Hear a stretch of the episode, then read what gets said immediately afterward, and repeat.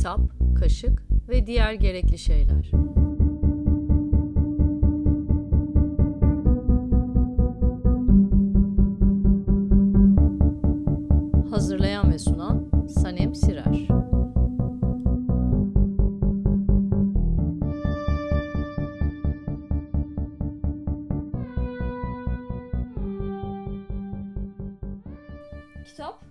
Diğer gerekli şeylere hoş geldiniz. Geçen bölüme gösterdiğiniz ilgiden ötürü teşekkür ederiz. Geçen haftaki çekilişin sonuçlarını bu kaydın sonunda bulabilirsiniz. Bir kaplanın ne olduğunu ancak Blake'in şiirinden biri biliyorum diyor Canetti hayvanlar üzerine de. Bugünkü konuğumuz yönetmen Ayşe Ünal. Ayşe ile kitaplardan, animasyondan ve buralardaki hayvanlardan, hayvan kahramanlardan konuşacağız. Merhaba Ayşe. Bize biraz kendinden bahseder misin? Sen kimsin? Merhaba Sanem. Çok ağır bir soru oldu. Ben kimim?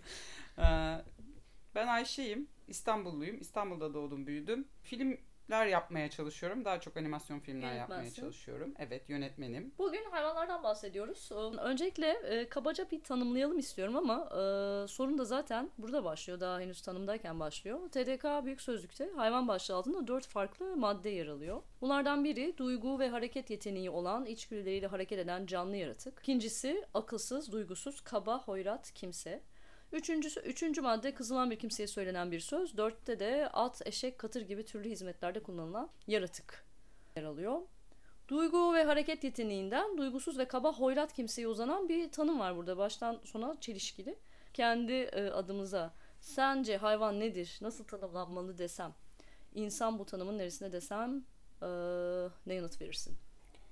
Şimdi aslında son söylediğin tanım en katılmadığım tanım. Duygusuz ve hoyrat kimselere hayvan denilmesine çok ayıp buluyorum. Ama dün mesela çok kötü bir yağmur vardı ve çok trafik vardı ve ben yürümek zorunda olduğum bir mesafede giderken belediyenin yaptığı çukur yollara dolmuş suları üstüme fışkırtarak geçen insanlara ke- bağırırken buldum kendimi ve hep nedense hayvan isimleriyle bağırdım. Sonra çok utandım kendimden. Dolayısıyla bu tanımdan haz etmesem de kullanıyorum. Ama diğer bütün tanımlar aslında gerçekten varlar. Ee, ama işte dediğin gibi şeyde de bütün problemler de oradan çıkıyor. Yani Descartes'a göre hayvanların ruhu yok, onlar makinalar. İşte Kant'a göre zaten akılları da yok. Bunları yani hayvanı tanımlayabilmek önemli. Bizden başka ve bize çok benzeyen, aynı olmayan ama benzer olan, bizim için her şey olan, e, ben asla soyadını telaffuz edemeyeceğim ama Berger e, dediği gibi hani bizim kendimizi ona bakarak tanımladığımız, ondan bize bakışı anlayabildiğimiz, yakın hissettiğimiz ama bir yandan da tam emin olamadığımız birisi olduğu için hayvan ve aslında biz de hayvan olduğumuz için bunu söylediğimi duysa bazıları hoşlanmayabilir ama yani öyleyiz. Hayvanız ama bir de konuşuyoruz. Ama nedense kendimizi ayrı tutuyoruz. Biz üst hayvanlar ve onlar alt, daha alt hayvanlar Bir, bir falan tür diye. hiyerarşi şeklinde. İşte o hiyerarşilerden dolayı da yani biz aslında bütün tanımlarımızı hayvanlarla beraber yapıyoruz. Gitgide de işte etrafta kalmadıklarında ne yapacağız bilmiyorum. Yani mesela antropolojide de lisan insanları hayvanlardan ayıran bir şey olarak çıkar. Clifford Geertz mesela kendi ördüğü anlam ağlarının içinde yaşayan bir hayvan olarak ım, görür. Ee, kültürle doğayı karşıt birbirinden ayrılan bir şey olarak görenler vardır. İşte e, yediği şeyi pişiren, ateş kullanan canlılar olarak insanlar diğerlerinden ayrılır vesaire. Yani burada bakış açılarına göre şey tabii ki değişiyor. Gerçi zaten ama bizim buradaki amacımız oturup sosyal bilimleri, felsefeyi ele almak değil. Biz daha ziyade edebiyatta, animasyonda ki sen animasyonla uğraşıyorsun. Edebiyatta ve animasyonda hayvan kahramanların yaratımı, e, bize ne temsil ettiği veya ne temsil ede geldiğine dair bir sohbet etmek. Ee, Buradan da işte biraz e, gene ben sana dönmek istiyorum. Sen işin gereği kurmaca bir hayvanı canlı hale getiriyorsun. Animasyonda bir kahramanın yaratım ve canlandırma süreci nasıl işliyor? Bize biraz bundan bahsedebilir misin? Ve hayvan kahramanlar yaratırken e, mimik olsun, bakış olsun ne gibi püf noktalar var?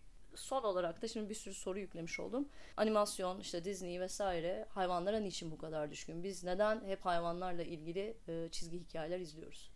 Şimdi lisan dedin. Ee, lisan bir başlangıç noktası ama animasyon aslında bir hikaye ana- anlatma medyumlarından bir tanesi. Hikaye anlattığın bir şey olduğu için de işte bir takım hikayeler kurman gerekiyor. Hayvanları da burada aslında bazen alegori bazen metafor olarak daha çok kullanarak yola çıkmış. Ama bir yandan da animasyonun şöyle bir farkı var. Tamam bu zaten var. Bu edebiyatta da var. Ama animasyon tamamen görsel bir şey ve aslında imkansız olan şeyleri imkanlı kılabildiğinde bir medium. Yani normalde mesela? bir hayvanı mesela ben köpeğime e, istediğim kadar Hı hı. yardım yani eğitim vereyim. Evet sirkte çalıştırabilirim ama hani içli içli bakmasını ve işte bana dönüp bir diyalog kurmasını mesela sağlayamam. Hı hı. Ee, bunu yapabildiğim yer animasyon. Çizgi animasyonda başlayan bir şey. Bugün şimdi biz yani herhangi bir şeyi e, üç boyutlu animasyonda tamamen gerçekçi gözükerek yapabilirsin. Ee, bu da aslında zaten animasyonun büyük gücü diyelim yani en azından beni tavlayan taraflarından birisi. Çünkü bir dünya yaratabildiğin ve o dünyada her şeyi inanılabilir kıldığın bir şey. Ee, zaten çizgi romanda da mesela çok hayvan vardır. Bunun şeyini bulamadım. Gelmeden baktım. Bir ismi olmalı ama e, benim bildiğim mesela çok animatör çoğu animatörün de bir tür çizim mahlası gibi şeyi vardır. Kendisini mesela hep tilki olarak çizer. Öbür animatör işte kendini hep tavşan olarak çizer. Yani kendilerini Alter çizerken de gibi, evet. evet e, bir hayvanı kullanırlar. Bunun tabii bir sürü şey var. Yani ta mask şeyinden başlayan işte o metafor olsun. Kendi içindeki en e, baskın duyguyu anlatmak için vesaire. Yani çok bir sürü yerin birleşimi. Bir de yapabilme durumu var işte. Yapabildiğimiz için yapıyoruz. Teknoloji. Evet. Yok sırf teknoloji değil. Yani çizdiğin zaman her şey gerçek. Yazdığın Artık- zaman da öyle değil mi? Yazdığın zaman da öyle. Ee, ne, orada mesela şeyler var. Yazdığın zaman aslında daha gerçek. Ama nedense e, yazıda bunu mesela kullanmayı tercih etmemişler. Tiyatroda da mesela çok kullanmamışlar. Mask tiyatrosunda kullanmışlar ama e, hiç kimse animasyonda ve çizgi romanda olduğu kadar kullanmış gibi gözükmüyor. N- Sebebini bilmiyorum. Belki ben yeterince hakim değilim ama Daha inandırıcı veya daha di- direkt göze hitap ediyor olmasından dolayı olabilir mi? Yani hayal gücüne değil de. Evet, büyük ihtimal. Yani biz hazır hayaller veriyoruz Hı hı. görsel olarak. Belki onunla alakalı olabilir. Ee, bir de tabii çok zenginleştirici bir şey. Yani daha uygulamasal bir taraftan bakarsan e, bazen mesela bir karakter hayvan değildir ama onu şöyle anlatırsın. Yani yılan gibi olsun. Animatör de onu öyle anime eder. Yani onun ritmini, onun hareket eğimini, her şeyini o hayvanın üstüne kurar ve o karaktere bir şey katar. Hı hı. Bu insanların içindeki şeyi göstermek için. Hayvanları tasarlarken de aslında yani insanları tasarlarken yaptığımızdan daha başka bir şey yapmıyoruz. Çünkü bizim dünyamızda hayvanlar da insanlar gibi her şeyi yapabiliyorlar. Bazı filmlerde tamamen hayvan oluyorlar. Mesela işte Finding Nemo'da e, yani bütün balıklar balık gibi davranıyor. Kayıp- Ama konuşuyorlar. Sanki balık birisi Nemo. evet birisi altına alt yazı yazmış gibi düşün. Hı hı. Ama Zootopia seyredersen onda bütün hepsi bir o gerçekten işte insanlar arasındaki ırkçılığa karşı bir alegori olmak üzere çalışıyor. Kung Fu Panda o da mesela biraz daha ortada ama daha Zootopia'ya belki yakın. Bir aslında dışlananın zaferi hikayesi diyebiliriz. Evet ama hani hay- evet, aynen öyle. Yani. Ama hayvan bu hayvan hikayesi mi? Hayvanların özellikleri var ama hepsi iki ayak üstünde.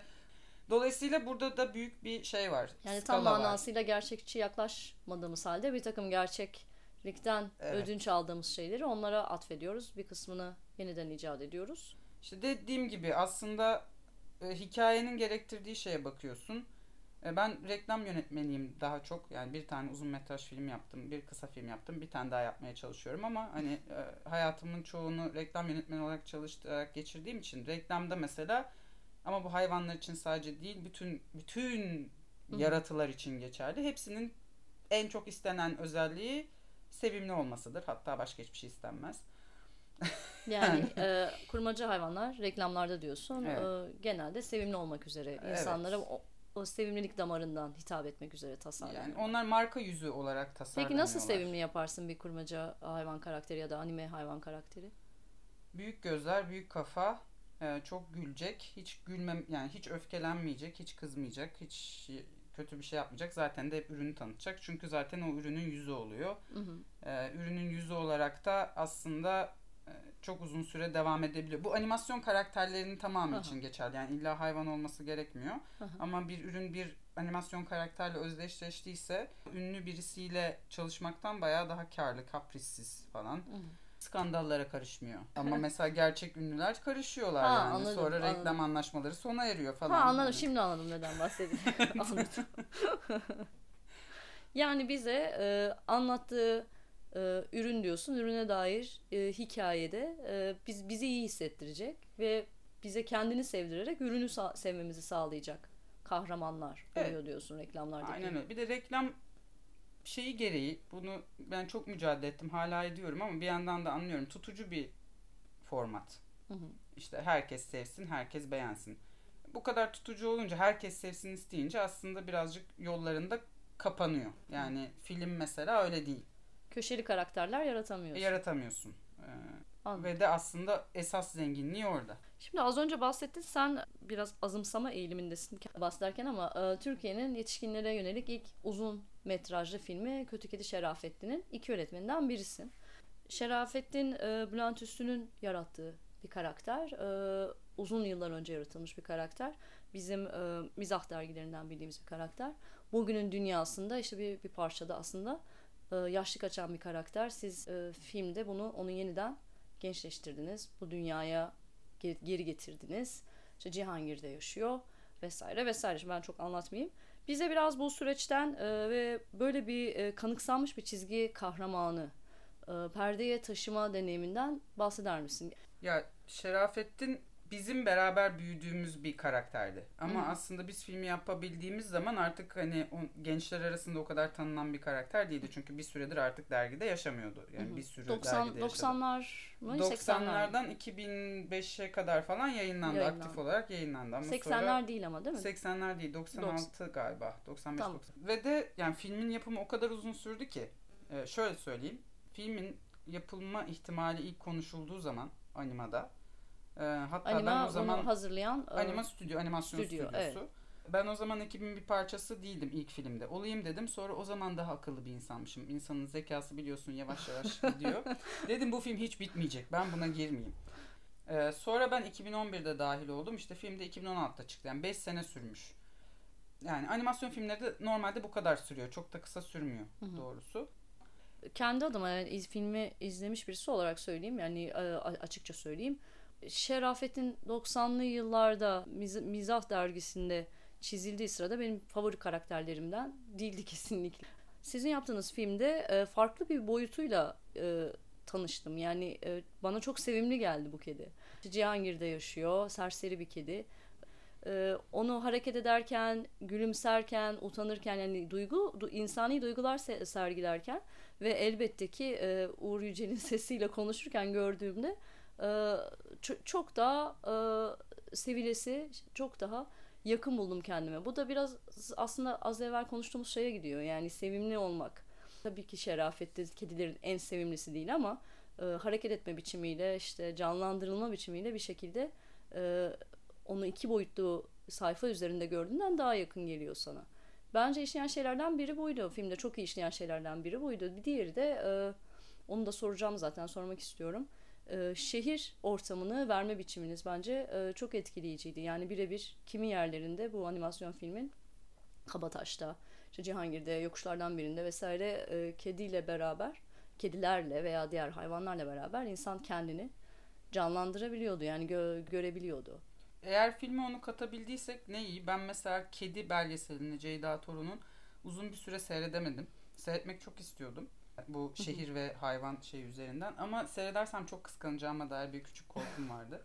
Ee, seyrettim. Çok güzel kıskandım. Kıskandın mı? Ee, şey biz yani Şerafettin'i yaparken aslında şeye çok heyecanlandık. Yani bir şey bizim yaşadığımız şehri kedilerin ve bir martının gözünden görmeye. Yani bu hem görsel animasyon olarak hem de aslında sokak hayvanları Türkiye özel bir şey. Şerafettin de o yüzden sadece Türkiye'de olabilecek bir kedi bence. Her ne kadar mesela bizim filmin adaptasyonunu yazan işte Los Angeles'taki Carol aynı benim kedim dese de aynı onun kedisi değil. Çünkü onun kedisi sokakta böyle bir Bir dakika Los Angeles'taki Carol e, filmin e, İngilizce. İngilizce adaptasyonunu Adaptasyonu yapıyordu. yazdı, İşte okey. o da hani Kendi ke- kedisine Çünkü benzetti. aslında herkes herkes Şero gibi kediler tanıyor. Evet herkesin Ee, bir böyle cani kediyle bir deneyimi var sanki bir noktada. Evet. Ee, Delikanlı. Delikanlı şey ama bir kendi en azından muhitiyle bir sevgi ilişkisi olan hı. onları koruyan bir tarafı da aslında hı. çizgi romanda da vardır. Yani Rıza mesela fare. Hı, Rıza ile arkadaştır. hı. Rıza ile arkadaş olması da şeydir. O zaman bir hırsızla yaşamaktadır Şero. Çizgi romanda bunlar filmde yok. Ee, şeyde eve hırsızlığa girer ama e, hırsız kapanlar koymuştur. İşte Rıza'yı öldürecek aklı sıra. Ama Şero uyuz olur. Kapanları her seferinde açar. Sonra şarap ikram eder. Ondan sonra onlar arkadaş olurlar yani.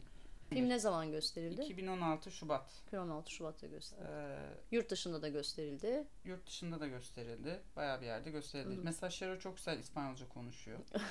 yani bir Panama kopyası var. Bayağı içinden şey çıkmış. Fransızcası da fena değil ama yani meğersem Şero Panamalı da olabilirmiş dedirtecek kadar e, güzel konuşuyor.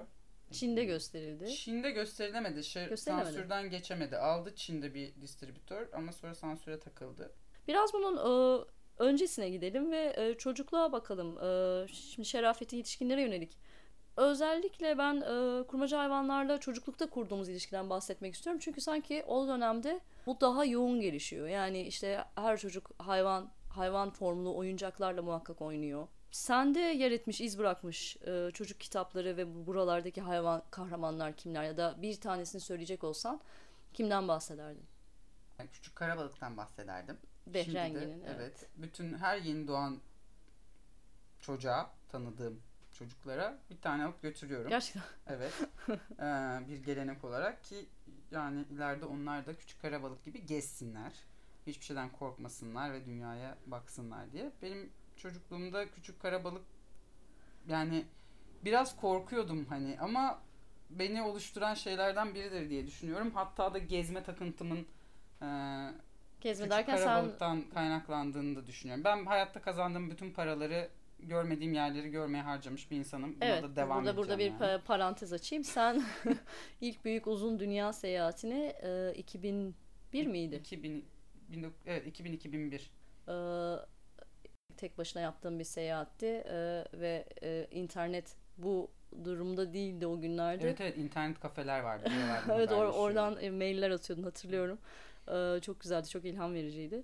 E, İşte yani tabii şimdi böyle deyince küçük karabalık e, seyyah bir balıkmış gibi e, indirgemiş olmayalım. Yok, küçük, seyyah küçük küçük karabalık e, sürekli içinde yaşayıp durduğu alanda e, dünyanın gerisini sorgulayan, gerisini merak eden ve e, dünyanın gerisini keşfetmeye e, ve e, yaşama cesaretidir bu Evet. aslında. Biraz da toplumsal normlara baş kaldırı diyelim ve bu seyahati sırasında da işte e, çeşitli şeylere alegorik anlamda çeşitli şeyler olarak yorumlayacağımız işte pelikanla e, işte diğer yırtıcılarla e, vesaireyle karşılaşır ve e, yine de göstermesi gereken cesareti gösterir. Benim de çok sevdiğim kahramanlardan biridir. Sen orada bir de çocuklarla ilgili şey dedin. Onu yeni okudum. Ee, galiba neden hayvanlarla bu kadar Hmm. şey olduğuna dair çünkü diyorlardı yani çocuklar hayvanları e, büyüklere göre daha kolay anlaşılır buluyor. Daha yakın hissediyorlar. O yüzden onlara masallarda falan çok çocuk anlatılıyor diye bir şey okudum. Hatta Hmm. bunu Freud söylemiş diye okudum ama Freud'un söylediği hiçbir şeye normalde inanmadığım için bunu silmek istemiş olabilirim. Ee, neyse yani şey tam kaynakçaları hatırlayamadığım için ama ilginç gelmişti. Ee, ki olabilir gerçekten çocukların hayvanlarla öyle başka bir ilişkisi var. Hı hı. Ama bahsettiğin bu teddy bear'ler, tüylü Hı hı. oyuncaklar falan o aslında kötü bir şeyin sonucu olarak var. Nedir Yani o? gerçekte hayvanlarla bir alakası olmadığı için çocukların artık onlara onun yerine yer tut yerini tutsun diye verilen Hı hı. şeyler onlar. Yani gerçek bir kuzuyla ya da Hı hı. gerçek bir neyse e, sıpayla falan bir alakası olamayınca çocuğun onlara tüylü oyuncaklar verilmeye başlamış ki hayvanat bahçelerinin bir şey promosyonel uzantısı imiş. Öyle mi? Onlar. Hı. Evet. Va- e, ayılar e, kü- küçük bir ayı aslında çocuğun küçük bir çocuğun prototipi gibi de işliyor. Yani Hı. küçük bir suratı var, küçük gözleri var. Bir tür mini mi gibi aslında. Yani bilemiyorum bu bizim gene hayvanlarla sorunlu ilişkimize geri dönüyor. Yani onları hem seviyoruz hem onlarla beraberiz. E, aynı yerdeyiz ama kendimizi oradan koparıp almaya ve onları yeniden yeniden yeniden icat etmeye bakıyoruz Ya bir sürekli. de biz beraber yaşamıyoruz ya artık hayvanlarla. Şimdi eskiden insanlar hayvanlarla beraber yaşıyormuş ve bu problemler olmakla beraber yine de hayvanla beraber büyüyorsun. Gerekirse onu kesip yiyorsun, gerekirse işe koyuyorsun gibi ama bir birliktelik var. Hı hı, Beğen beğenme, işte üstüne düşün düşünme. hı hı. Şimdi öyle bir birliktelik de yok. İyice kafalar karıştı tanımlamalar üzerinden ve birbirimizin hayatında nerede duruyoruz. John Berger'dan ben de bir alıntı yapmak istiyorum. O hayvanların bizim sürekli genişleyen bilgimizin nesneleri olduğunu söylüyor. Onlar hakkında bildiklerimiz bizim gücümüzün göstergesiydi ve bizi onlardan ayıran bir göstergeydi diyor mesela. Ee, hayvanlara niçin bakarız da. Ve modern hayvanat bahçeleri insanlığın kendisi kadar eski bir ilişkinin mezar taşıdır diye ekliyor. Yani biz onları animasyonda işte gösteriyoruz. Belki istediğimiz yani her şeyi yaptırabiliyoruz. Kitaplarda falan yaşatıyoruz ama gitgide onlara pek bir yer bırakmıyoruz. Burada büyük problemler var. Yani onları fazla kutsal yapanlar var. Ee, dünyayı sadece bizim zannedenler var. Ee, kendi tarafımızdan bakıyoruz ve de gerçekten onlara yer ayırmadığımız için sonunun ne olacağını çok iyi bilmiyorum. Ayırmayı akıl edersek ben gene şeye bağlanayım benden iyi anlatanlara. Miyazaki mesela e, filmlerinde çok bu doğa ve insan sorunsalını hı tartışır. Üstelik de böyle çok da konvansiyonel olmayan şekillerde tartışır. Üstelik sadece çocuklara film yaptığı halde her tür şeyi rahatça ve açıkça hı. tartışır yani. Ama en sonunda dediği şey şu. Bu süreç acılı olmak zorunda. Çünkü biz gerçekten kalabalığız. Ama doğaya karşı değil, doğayla beraber bir şey kurmadığımız zaman da başarısızlığa mahkumuz. Bunun da başka bir şeyi yok. Yok. Başka bir çözümü yok. Bir tane dünya var. Birkaç tane daha bulursak o zaman durum başka olur ama henüz bulmadık, gidemiyoruz. Biz doğayla beraber yaşamanın bir yöntemini bulmak zorundayız. Çünkü biz de doğanın bir parçasıyız. Hayvanlar da doğanın bir parçası. Yani bu bence e, ilginç bir mesele. Çünkü gerçekten e, hayvanlara yer bırakmadığımız hayatımız e, genişledikçe yani biz bize yönelik, e, kendimize yönelik bu korkunç alanları açmaya yönelik genişledikçe e, hayvanları zihnimizde e, yeniden icat etmeye yönelik ihtiyacımız da büyüyor gibi e, düşünüyorum. Ben birkaç ay önce e, tuhaf bir şey yaşadım. E, Berlin'deydim. Gece geç bir vakitte. E, yolumu kaybettim. Merkez istasyon civarlarında işte müzelerin arkasında kalan bir adada e, otelime dönmeye çalışıyordum. Ve haliyle e, paniğe kapıldım. İşte her an bir yerden birisi çıkacak. E, beni soyacak, pasaportumu alacak vesaire öyle öyle senaryolar yazarak e, yolumu bulmaya çalışırken karşıda bir hareket gördüm ve bir baktım değişik bir canlı yürüyor e, ve bir kedi değil, köpek desen hiç değil, bacakları ince, e, kuyruğu çok kalın vesaire bir tilkiyle karşılaştım. Şehrin orta yerinde ve tamamen beton olan bir noktada ve e, o hiç oralı olmadı ama ben buna çok sevindim. Ki aslında bu da tehlikeli bir durum yani bir e, vahşi hayvanla e, şehir ortamında sadece ikimiziz yüz yüze gelmek tehlikeli olabilir ama hiç o sırada her türlü insanlardan gelebilecek her türlü tehlikeyi hesap edip senaryolar yazarken tilkiye yönelik tek duyduğum şey Allah'ım tilki ve karşıdan geliyor. E, bu çok güzeldi mesela benim için ve sonrasında olayın e, tesirinde kaldım. Yani bu birbirimize bakmış olmamızı çok isterdim ama ben ona baktım. O tabii önüne bakarak yanımdan geçti gitti yürüdü gitti. Sonrasında e, tabii ki hemen e, Google'a girdim ve Berlin'de pek çok tilki görüldüğünü, şehrin etrafındaki ormanda e, tilki popülasyonunun epey yüksek olduğunu e, ve de e, bunların zaman zaman bu şekilde şehre indiğini, belli yerlerde gezindiklerini gördüm. Hatta işte Instagram'da Berlin'de yaşayan bir takım fotoğrafçılar var takip ederseniz e, sık sık tilki resimleri paylaşıyorlar vesaire. Tabii bu İstanbul'da yaşayan benim için müthiş bir şey yani ama öte yandan bir başkası da e, başka bir şehirde yaşayan bir başkası da her gün sokakta işte aynı kedileri veya farklı kedileri gördüğü işte bir köpeğin başına okşayıp yürüdüğü bir yaşantı da sürmüyor.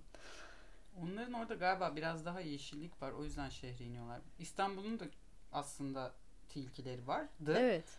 Bir dönem ben bahçeli bir ev ve evde de oturuyordum. Ee, ve gece birden sonra o eve giderken yani o evde işte Zekeriya Köy'e doğruydu.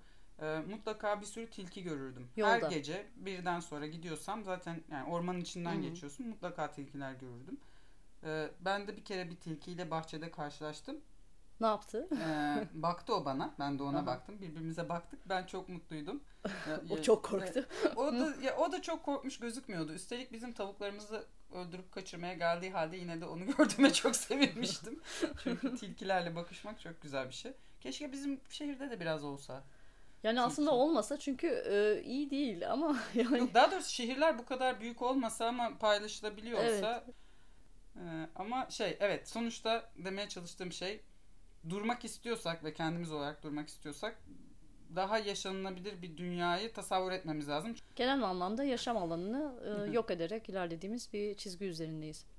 E, yok ettikçe de edebiyatta olsun, sinemada olsun, animasyonda, e, işte tü- türlü alanda olsun e, kurmaca hayvanlar, kurmaca kahramanlar, işte gündelik hayatımıza sızan karakterler yaratıyoruz. Biraz e, yetişkin edebiyatındaki hayvanlardan bahsedelim. Şimdi çocuk edebiyatından bahsettik. Bir yetişkinlere yönelik e, edebiyatta da çe- çeşitli e, görevler gören türlü hayvan kahraman var. Burada anmak istediğin, bahsetmek istediğin kitaplar var mı? Öz, bilhassa sevdiğin veya işte bunu düşünelim, bunu konuşalım vesaire de dediğin, aklında yer eden hayvanlar ve hayvan kahramanlar. Mouse mesela. Evet. Art Ee, Spiegelman. Evet. Ee, tam olarak şeydir yani hani kedi ve fare yapar Naziler ve Yahudileri. Böylece aslında aralarındaki ilişkiyi bir daha açıklamak ve düşmanlığı açıklamak zorunda kalmaz. Ama bir yandan da o bahsettiğimiz işte e, çizerin kendini genellikle bir hayvan olarak koymasını da karşılar. Öyle olunca işte Polonyalıları da domuz yaparken hani arada olsunlar falan filan gibi. Mouse o konuda bence iyidir. Çok da karanlık bir çizgi romandır ama Tabu, çok tabu güçlüdür. kıran, tabu kıran bir Evet. çizgi roman her anlamda. Ee, hepimizin çocukken okuduğu ben bu programı yapacağız diye tekrar okudum. Çok mutsuz oldum sonra. Animal Farm şey hayvan çiftliği var. Ee, George Orwell. evet. Kafka'nın kimi öykülerinde e, hayvanlar Hmm. e, alegorik bir takım Evet. görevler görüyorlar. Hatta e, programdan önce seninle konuştuk. E, dönüşümde e, kahramanın e, dönüştüğü böcek ki böcek e, kelimesi e, ne kadar doğru çok emin değilim. Çünkü orada Kafka'nın kullandığı, orijinalde kullandığı kelime biraz daha e, muğlak bir kelime. Biraz daha belirsiz bir kelime. E, her, her şekilde tasvir ettiği şey e, büyük bir böcek. E, mesela böcekler hayvan mı? Kimi sözlükler e, hayvan başladığında memelilerin hayvan olduğunu iddia ediyor. Mesela yılan kesinlikle bir hayvan değil mi? Ve Evet. Böcekler elbette ki hayvan ya da Tabii canım hayvan. İnsanlar herhalde böcekleri daha rahat öldürebilmek için bunlar hayvan değil yahu ne Bunlar alaka? Ay dur hemen böceğini çıt öldürelim. Bu arada merkezi senin merkezi sinir sistemi olmayan e, canlılar hayvan tanımlamasında biraz daha sıkıntı çekiyorlar anladığım kadarıyla. Şimdi bu, bugün bu sohbeti ediyoruz. Kutup ayısının anılarından bahsedelim. Çünkü ikimiz de e, ben kitabı hazırladım zaten.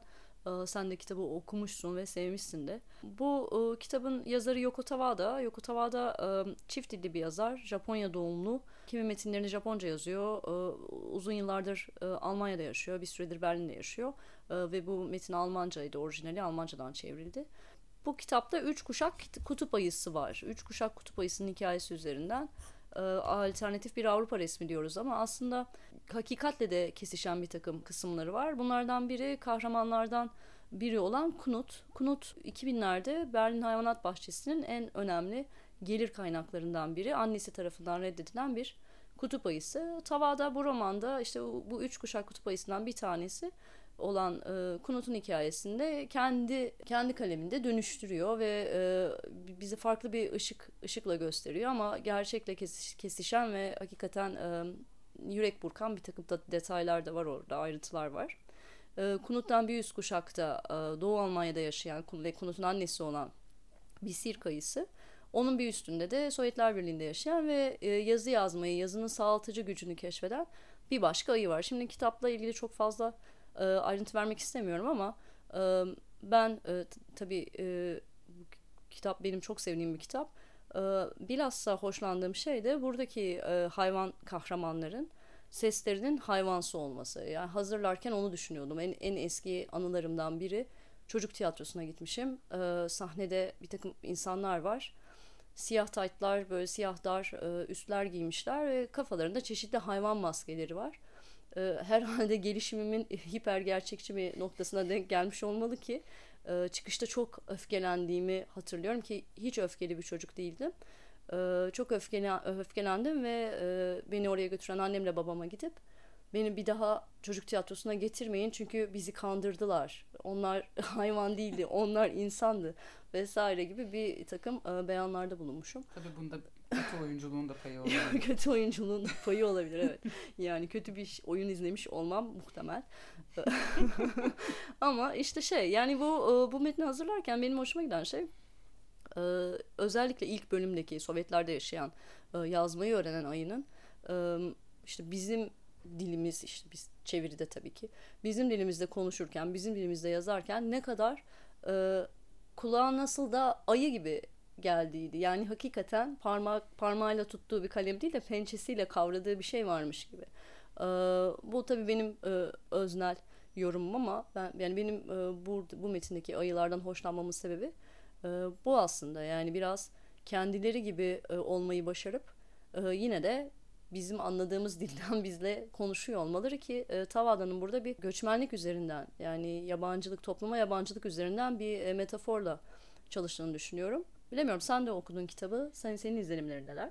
Ben de özellikle ilk hikayeyi çok sevdim. Ee, ve şöyle başka bir yerden bakıyorum. Şimdi ben film yapan bir insanım. Hı hı. Ee, filmde biz e, bir evren yani animasyonda da dedim ya evren yaratmak, işte dünya yaratmak, her yani her şeyi yapabilirsin ama onu inandırıcı kılmak önemlidir. Hı hı. Ama biz e, karakterlerin düşüncelerini anlatamayız. Onu yapabilen medium romandır. Her zaman öyleydi. Yani bu tartışılması yani çünkü evet birinde sen olaylar gösterip onun üzerinden insanların anlamasını beklersin ya da imgeler gösterip oradan kaf kendi kafasında bir şey yaratmasını beklersin ama diğerinde iç dünyayı en iyi anlatabilen hep roman oldu. Ben o ilk ayıda şeyi çok sevdim. Yazının kendi dilin içinde şey vardı. Ben o ayıya inandım. Evet. Onun ayı olduğuna inandım.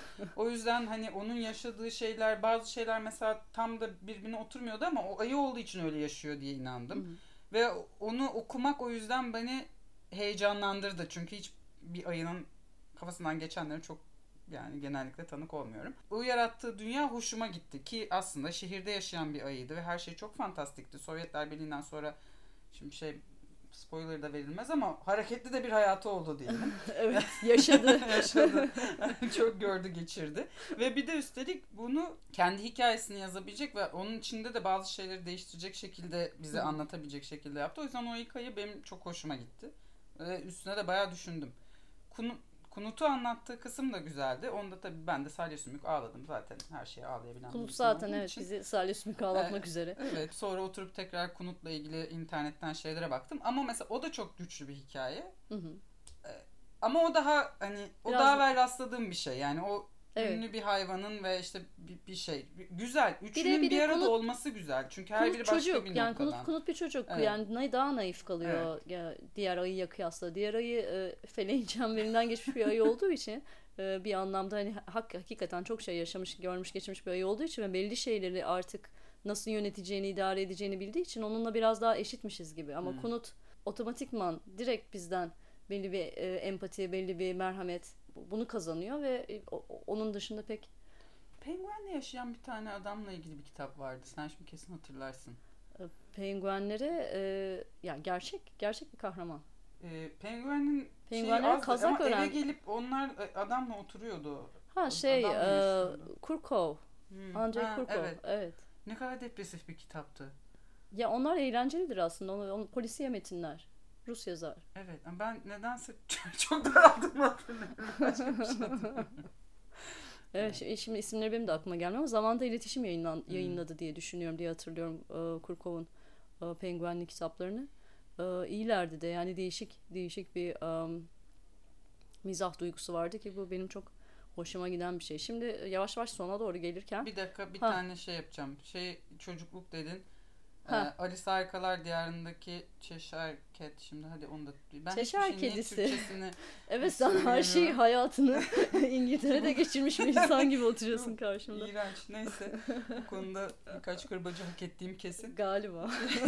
Cheshire kedisi e, de mesela yani im, imge olarak falan da yani her şey olarak çok güçlüdür. Benim evet. yani hayatımın çeşitli dönemlerinde tekrar tekrar hatırladığım hem görsel olarak o kocaman gülümsemesiyle hem yani hep hatırladığım bir karakterdir. Sanırım çocukluktan bu zamana taşıdığım hayvan karakterlerden biri o olmalı. Tabii bunda yani Alice'in de e, sıra dışı bir metin olmasının payı var bence. Hı. Çünkü e, çocuk kitabı olarak okuyabilirsiniz. Yetişkin metni olarak okuyabilirsiniz Alice'i.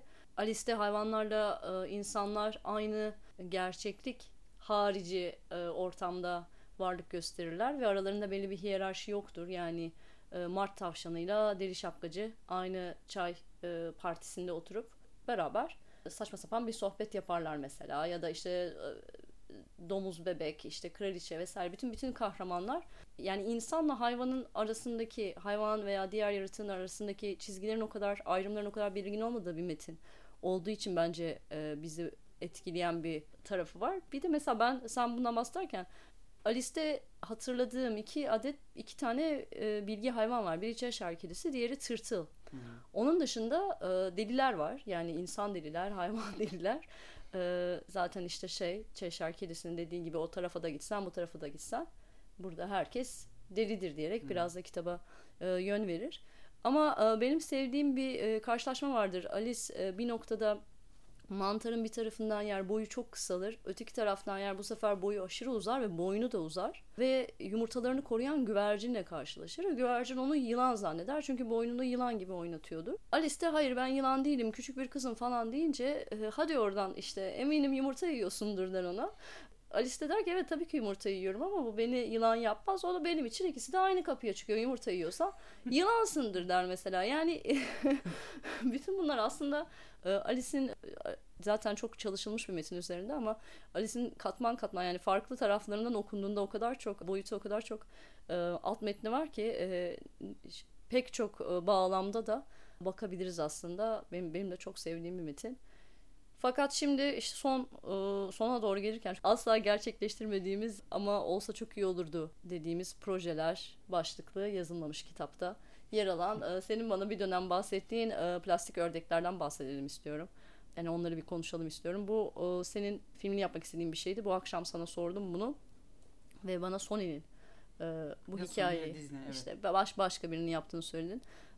bu eğer yapsaydın canlı olmayan bir hayvanı hayvan formundaki bir e, objeyi anime edeceğin bir, bir şey olacağı için de enteresan ama hikayenin kendisi güzel.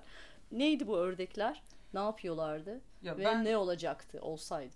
Ben bunu yani bir 10 yıl belki oldu. Gazete haberinde görmüştüm. İşte gene bir plastik ördek işte bu sefer de İngiltere'ye geliyor falan. Kim bu plastik ördek falan diye bakınca Hikaye şöyleymiş. 92 senesinde bir tane e, Çin'den bir gemi yola çıkıyor. Gemide de bir sürü tank yani o şeyler var, konteynerler var. Konteynerlerin birkaçının içinde de plastik ördekler var. Aslında şey kurbağalar falan da var ama onlar o kadar e, görsel olarak insanı heyecanlandırmadığı için hep ördekleri hayal etmek istiyor insan. E, gemi bir fırtınaya giriyor. O fırtınada bu konteynerlerden birkaç tanesi suya dökülüyor Bunlar da şişme hayvanlar oldukları için banyoda kullanıyoruz ya. Hı hı. Her insanın banyosunda bir şişme ördek olmalı. Yani her insanın banyosunda yok ama olmalı diyorsun. Olmalı. Tamam. yani, yani küçük plastik olanlardan. Küçük plastik şişme olanlar. Şişme deyince şey. Evet evet yok şişme değil. Plastik. Plastik o, ördek. Oyuncak. Neyse e, bu şey hay şeyler dökülüyorlar doğal olarak. Denizde de kutuları mutuları açılıyor ve sürüklenmeye başlıyorlar. Ee, çok 35 bin tane falan çok da yüksek hmm. bir sayıda. Bundan hemen evvel yakın bir zamanda da Nike ayakkabılar böyle düşmüş. Ee, bunun Hawaii'ye gelirken bunlar Hawaii'ye gelince orada büyük bir akıntı ayrılması var. Orada birbirlerinden ayrılıyorlar. Ee, bir kısmı kuzey kutbu üzerinden bir kısmı da güneye doğru gidiyor. Tabii bunlar ee, sayesinde insanlarda akıntının Tabii tabii. E, yani NASA takip etmeye başlıyor. Böyle bu işte Nike'da takip eden bir tane iklim şeylerine hı. meraklı bir bilim adamı var. O takip ediyor. Bir sürü insan takip ediyor. Farklı farklı yerlerde de karaya vurmaya başlıyorlar. Hı hı. Oradan yeni akıntılar. Hatta en büyük gyro deniyor onlara. Böyle bütün e, akıntıların birleştiği ve orada böyle çöp yığını yaptıkları bir yer var. Onlardan en büyüğünü de bu ördekler yüzünden keşfediyorlar. Ona girince oradan tam çıkamıyorlar falan. Adetlerini biliyor muyduk? 35 bin kadar. 35 bin kadar. Evet. Bir filo bir ördeklerden bir filodan bahsediyoruz. Evet yani işte dediğim gibi kurbağalar falan da var ama bir şey. Neyse ben haberi okuduğum zaman çok heyecanlandım. Çünkü yani bundan daha animasyona uygun bir şey olamaz. Yani hayvanlar var. Yani daha doğrusu plastik ördekler var. Bunlar hani bizim görevimiz işte gideceğiz küvette yaşayacağız küçük çocukları mutlu edeceğiz falan diye düşünürken yolda da arkadaş olmuşlar. Hop ayrılıyorlar ve hani iki ekip o iki ayrılan ekip aslında birbirine kavuşmaya çalışıyor gibi bir şey var. Her yerde de bir takım hayvanlarla karşılaşıp o hayvanlardan aslında canlı olmanın ne olduğunu öğreniyorlar. Bunlar canlı değil. Çok aslında çok Bu tabii senin e, hayal ettiğin bu proje. Bu benim hayal ettiğim evet. proje ve Hı-hı. çok aslında dertli bir proje. Mesela bunu Çinli bir e, şeyle konuşuyordum e, yapımcıyla konuşuyordum. Onlar da böyle çevre işlerine de çok meraklı ve bu konuda evet. çalışmak istiyorlar. O mesela şey olmuştu yani bir yandan çok heyecan verici ama ya plastik ya bunlar. Orada da haklı aslında. Yani kendi içinde çok şeyleri var ama ben bir plastik, plastik kullanarak çevreci bir mesaj verebilirsin. Verebilirsin bence. Ee, ve de yani gerçekten çocukların ruh, ruh yani bağ kurduğu bir şeydir plastik ördek o yani öyle bir şansın varsa bir küvetin varsa ve içinde plastik ördekle oynayabiliyorsan her yaştaki insanın içindeki çocuğu bence canlandırır. Bilmiyorum bu benim naif dünyam olabilir ama. Öneriyorsun. Öneriyorum. Ee, bu yapılmamış ama yapmak istediğim bir şeydi ki senin sen arada bu yeni e, New York'taki ördeği oluyorsun. Bizimkiler evet. onun kadar yakışıklı değildi ama yani ördeğin ne kadar şahane bir hayvan olduğunu oradan da evet. Burada dinleyiciler için diye gene bir parantez açmam gerek. Ee, Ayşe bir e, ördek e, sever olduğu için e, ben de rastladığım ördek haberlerini genelde doğrudan hiçbir metin yazmadan Ayşe'ye atarım. Ee, New York'ta e, ben de New York Times'ın eski e, kitap eleştirmeni Michiko Kakutani'nin Instagram'ında gördüm. E, Central Park'ta birdenbire bir mandarin ördeği belirmiş. Da, daha evvelinde mandarin ördeği diye bir ördek türü olduğunu bile bilmiyordum. Bu ördek çok renkli bir ördek. Çok güzel bir ördek. Yani rengarenk. Bütün diğer ördeklerin arasında böyle çok albenili duran bir hayvan. Ve e, birden belirmiş sonra birden kaybolmuş. Sonra geri gelmiş. Bir kendi içinde bir draması var ördeğin. İşte New Yorklular da işte parka gidip sürekli ördeği fotoğraflıyorlar. İşte ekmek atıyorlar bir şeyler. Şimdilik hikaye bu aşamada. Hayvanların bu kadar animasyonda falan da kullanılması yani Shero'da da biz bunu şey ettik. Yani kim yani bir kedi görürsün ve onun konuşmasını canlandırırsın. Şimdi şöyle diyor, şimdi bana gülüyor, şimdi bunu demek istedi diye. Çünkü bize çok yakın oldukları için o bakışları falan da boş olmadığı için hep biz ne düşünüyorsak onun düşündüğünü düşünürsün. Ee, hatta hayvanların genellikle bizden daha akıllı olduğunu düşünürüz. Hatta ya. kendimizi suçlarız. Ya bir öğrenemedim kedice konuşmayı yani. Hani sonuçta o beni yarı yarıya anlıyor. Ben onun ismini çağırdığım zaman geliyor. İşte yemek diyorum ay demez olaydım hani hemen mutfağa geldi diyorsun. Hani biz hiçbir şey anlamadan yaşayıp gidiyoruz. Öyle de bir durumumuz var. İşte belki de bu yüzden mağara resimlerinden bugüne e, hayvanlarla olan zihinsel mesaimiz bir türlü bitmiyor ama o, o bir yana bir yandan da hayvanlar da dahil e, kendimiz de dahil gezegeni paylaştığımız diğer tüm e, organizmalarla birlikte büyük bir hasar verme hareketi içerisindeyiz. Neyse ben evet, bir e, tür diğer türden üstün olmamalı diye eşitlikçi bir mesajla mı bitirsek ne yapsak? Olumlu bir nota da bitirmiş olurduk. Ben sana çok teşekkür ediyorum kitap kaşık ve diğer şeylere konuk olduğun için. Biraz dallanmış budaklanmış bir sohbet olmuş olabilir. Ama e, onu da artık bizim dallı budaklı konuşma e, eğilimimize e, verin diyeceğim. Geçen haftaki podcast çekilişinde bizden kitap kazanan dinleyicimiz e, Balam Kaynakçı oldu. Kendisini çok tebrik ediyoruz. Bize mail atan bütün dinleyicilerimize teşekkür ediyoruz. Mail adresimiz merkezkumanda.gmail.com Bu hafta da bir çekiliş yapacağız. Bize yazan iki dinleyiciye Yine Random.org e, yardımıyla yapacağımız çekilişte Yoko Tawada'nın bir kutup ayısının anılarını hediye edeceğiz. Çekilişe katılmıyorsanız da bize mesaj atıp aklınızdan geçenleri, e, söylemek istediklerinizi söyleyebilirsiniz. E, sevin, seviniriz, seviniriz mesajlarınıza. Çok işte böyle. Güzel mail adresiniz. Merkez kumanda. Dinlediğiniz için teşekkür ederiz. Takipte kalın.